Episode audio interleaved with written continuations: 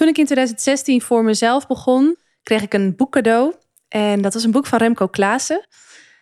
En little did I know by then dat dat boek echt een, uh, ja, een mega katalysator is geweest voor mijn business. Het was het boek Verbaal Meesterschap en ik heb hier onwijs van zitten smullen. Het was niet alleen heel fijn geschreven, maar het maakte me ook echt super nieuwsgierig naar hoe die theorie in de praktijk zou werken en dan vooral voor mij zou werken. In het boek eh, deelt Remco Klaassen zijn visie op verbaal meesterschap. Wat je zou mogen doen om een verbaal meester te worden. Nou, en in deze podcastaflevering wil ik eens met je stilstaan bij één heel specifiek onderdeel van dat boek. Uh, waarin Remco Klaassen uitlegt hoe je de aandacht van mensen vast kan houden door drie specifieke ingrediënten te gebruiken. Ik heb er al eens eerder iets over gezegd in een van mijn podcastafleveringen, maar nog nooit een volledige aflevering aan gewijd. En daar waar dit wel echt super interessant is en ook super waar is, wil ik dat in deze aflevering alsnog doen. Ik geef je dus in deze aflevering mijn visie op die drie ingrediënten die Remco noemt. De drie ingrediënten die zorgen dat je de aandacht van je mensen vasthoudt wanneer je spreekt voor een publiek. Heel veel luisterplezier.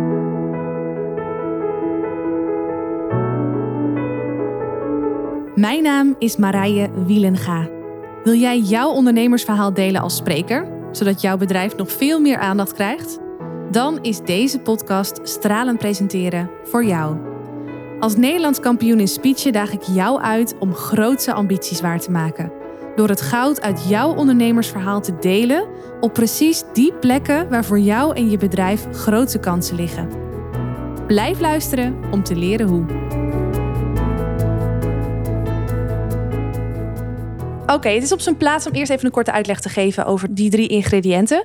En hoe je ze mag zien. Hoe, je dit, hoe, je, ja, hoe, hoe deze theorie werkt. Remco tekent in zijn boek, en ik zal even kijken of dat ik een, een verwijzing kan maken in de show notes.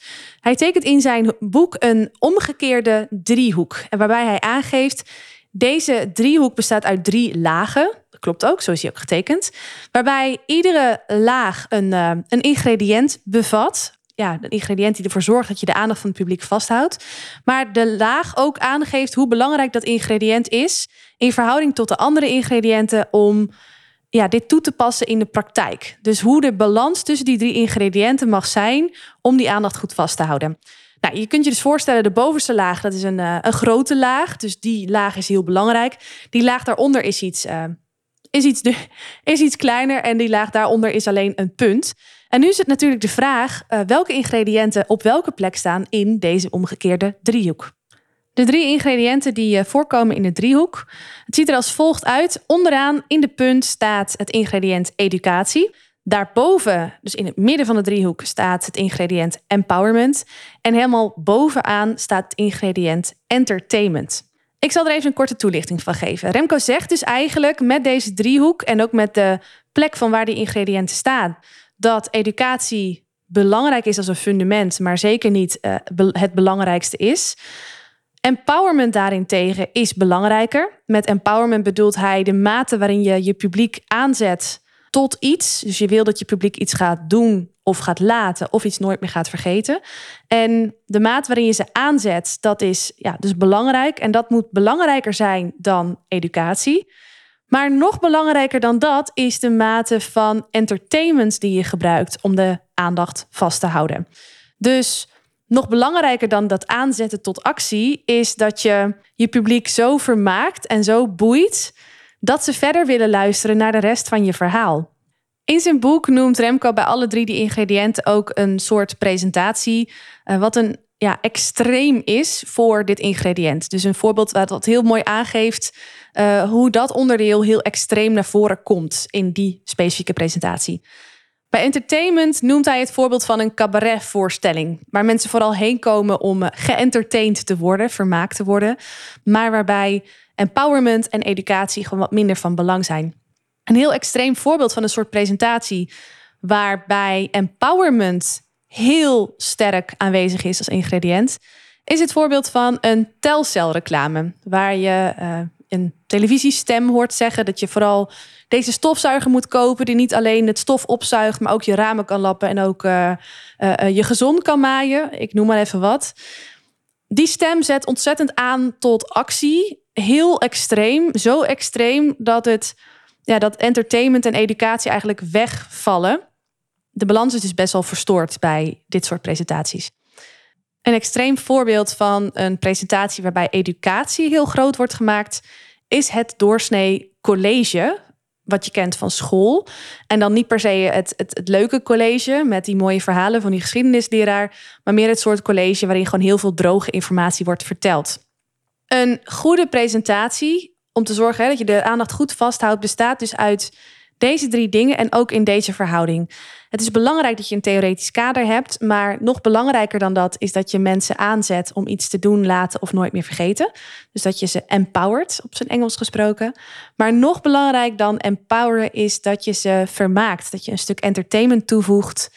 Ja, dat zorgt dat mensen ook echt de aandacht erbij houden om ze uiteindelijk te kunnen bewegen naar waar je ze naartoe wil bewegen, met een stukje empowerment, maar wel ook wil overtuigen waar het stukje educatie een mooi fundament in vormt. Want zonder educatie is het gewoon een stuk moeilijker om overtuigend over te komen. Dus dit is de gouden balans, zoals Remco dat zegt in zijn boek, voor een presentatie waarbij je de aandacht goed vasthoudt.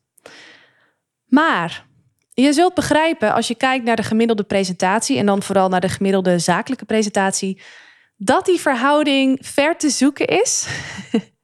of ja, dat deze perfecte verhouding ver te zoeken is. Wat denk ik ook een van de grootste oorzaken is van het feit ja, dat, dat ik, en dat is dan weer een heel subjectief oordeel, maar dat ik vind dat de zakelijke presentaties eh, gemiddeld genomen in Nederland gewoon echt onder de maat zijn. Wat je ziet is dat we met z'n allen, vooral bij die zakelijke presentaties, of dat de meeste mensen echt veel te veel kennis willen stoppen, theorie willen stoppen, inhoud willen stoppen in die presentatie. En daardoor wordt dat educatieve stuk, die dus het minst belangrijk is van die drie elementen, veel te belangrijk gemaakt. Sterker nog, niet alleen gebeurt dat. Wat er daarbij ook gebeurt, is dat er vaak geen sprake is van entertainment. Gewoon echt helemaal niet in de meest extreme voorbeelden. Er staat gewoon iemand heel veel stof te vertellen uh, van A tot Z. En er wordt verder helemaal niks gedaan uh, om publiek te vermaken, om ze te verrassen, om ja, zich gewoon echt bij de aandacht te houden, om te zorgen dat die informatie ook nog eens een keer goed binnenkomt. En als het gaat om empowerment, ja, dan is dat misschien nog wel aanwezig. Maar valt het ook echt weg in het niet bij de hoeveelheid droge stof, bij de hoeveelheid educatie, om het eventjes in de juiste termen te zeggen, die wordt gegeven. Dus in verhouding bij de gemiddelde zakelijke presentatie is het educatiegehalte veel te hoog. Is er geen sprake van entertainment. En is het stukje empowerment, als het er al is, valt het gewoon weg bij uh, de hoeveelheid stof die, uh, die wordt gebracht. Dat is best wel zonde. Dus daarom eh, ja, ben ik met mijn klant ook altijd bezig om te kijken hoe we die balans beter kunnen herstellen. Maar daarin wil ik nog wel even een soort kanttekening plaatsen. Want ik merk, en ik merk dat in eerste instantie bij mezelf, maar ik merk het dus ook bij mijn klanten. Als je dit nu voor de eerste keer hoort, dat het ook voor weerstand kan zorgen, wat triggers kan zorgen. Omdat je misschien denkt bij een zakelijke presentatie. Ja, sorry hoor, maar er hoort helemaal geen entertainment. Je gaat naar het theater voor entertainment, maar een zakelijke presentatie is er gewoon om te informeren of om ja, kennis te delen. En ja, mensen komen niet om naar een clown te kijken. Dat is toch een beetje de gedachte die veel mensen dan uh, krijgen als ik het heb over entertainment in relatie tot een zakelijke presentatie. Misschien is daarom het woord entertainment ja, in mijn ogen niet het meest geschikt om te zeggen. Misschien moet je het meer zien als vermaak. Entertainment zie ik in ieder geval als een vorm van vermaak die ervoor zorgt dat het leuk en aantrekkelijk blijft om naar jou te luisteren, om die aandacht erbij te houden. Als het woord entertainment je triggert, vervang dat woord dan voor vermaak. En zorg dat je wel echt voldoende vermaak hebt om succesvol te kunnen zijn, om die boodschap goed over te kunnen dragen. Dan het woordje empowerment, want ik merk dat het woordje empowerment ook nogal kan triggeren. Als ik kijk naar mijn klanten en naar de mensen met wie ik in gesprek ben hierover. Bij het woord empowerment denken mensen vaak aan Emiel Ratelband.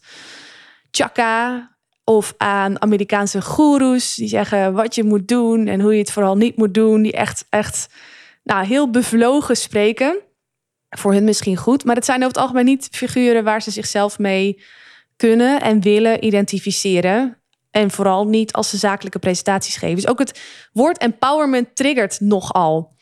Daarom gebruik ik het als ik hierover praat ook niet, nou ja, niet snel. En als je merkt dat, dat het woord empowerment jou ook triggert, kun je dat woord dan vervangen door dat je mensen aan wil zetten om iets te doen, laten of nooit meer vergeten. Dan heb je misschien niet één woord, maar dan dekt het voor mij wel wat er bedoeld wordt met uh, empowerment in relatie tot uh, het geven van een zakelijke presentatie.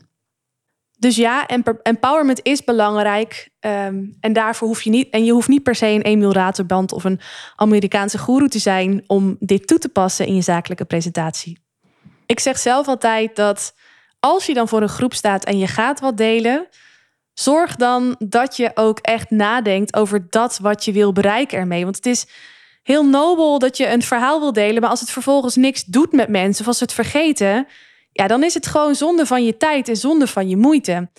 Ik gun jou dat als je op dat podium staat of als je voor die camera staat, dat je dan ook echt een blijvende verandering mag bewerkstelligen of daar in ieder geval naar mag streven voor jouw publiek. En dat kun je alleen doen als je goed nadenkt over dat wat je wil bereiken, dus het doel wat je wil bereiken. En ook door dat empowerment gehalte in je presentatie door daar voldoende aandacht aan te besteden, door het belangrijker te laten zijn dan het stukje educatie, het stukje uh, theoretische kader, zeg maar. Maar ook weer niet zo belangrijk te maken als het stukje vermaak of entertainment in de oorspronkelijke term gezegd.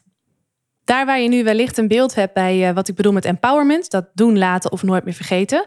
En wellicht ook een beeld hebt bij het woord educatie, dus het soort uh, theoretisch kader, de, de, de, het formele fundament, de methode, de werkwijze, de processtappen, et cetera. Is het misschien ook goed om nog even stil te staan bij wat ik dan bedoel met entertainment of uh, mijn eigen vertaling, vermaak. Juist ook goed omdat ik me realiseer door ervaring dat entertainment of vermaak voor mensen die hun presentatievaardigheden willen verbeteren, vooral op zakelijk gebied. Entertainment staat het verst van hun weg. Dus het is voor hun, uh, en misschien voor jou ook wel als je dit luistert, het is voor de meeste mensen het meest moeilijk om dat stukje entertainment te omarmen, maar ook op een juiste manier te, in te bedden in hun zakelijke presentatie. Dus goed, denk ik, om daar nog een aantal voorbeelden van te geven. En uh, sta jezelf toe om daarna te luisteren met een uh, open mind en niet uh, met veroordeling. Want neem van me aan, het is echt waar wat ik zeg. En het is ook echt allemaal mogelijk voor zakelijke presentaties. En zonder dat je jezelf als clown neerzet of als cabaretier neerzet. Nee, onder vermaak kun je verstaan dat je nou, in ieder geval rekening mee houdt dat mensen iedere drie tot vijf minuten zijn afgeleid. Dat betekent dat je iedere drie tot vijf minuten iets mag doen wat zorgt dat ze de aandacht er weer even bij krijgen. En dat kan je doen door bijvoorbeeld een stukje storytelling toe te passen, door, hè, door een verhaal te vertellen op een mooie wijze.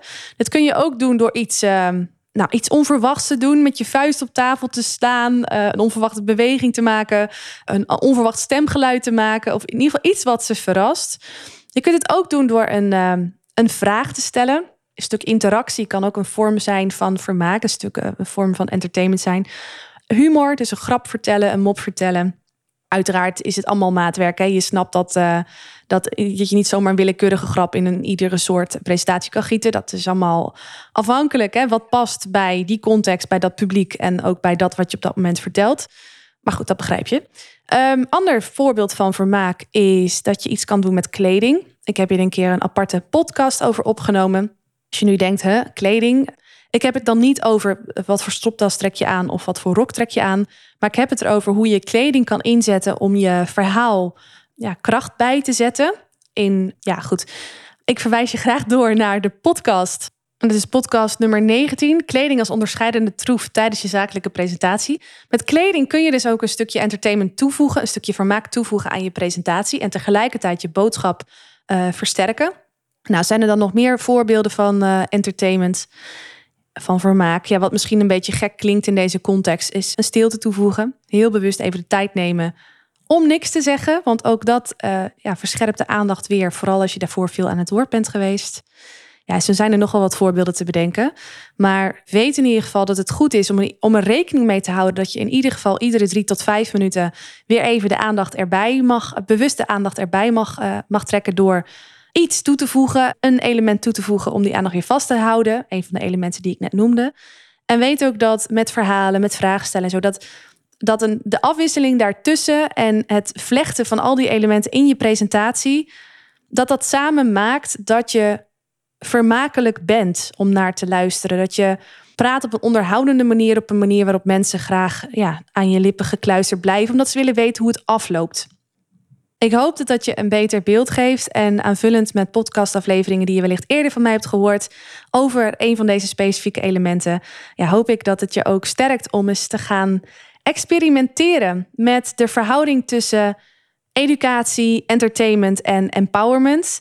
En ook te experimenteren met de voorbeelden die ik eh, in deze podcast heb gegeven.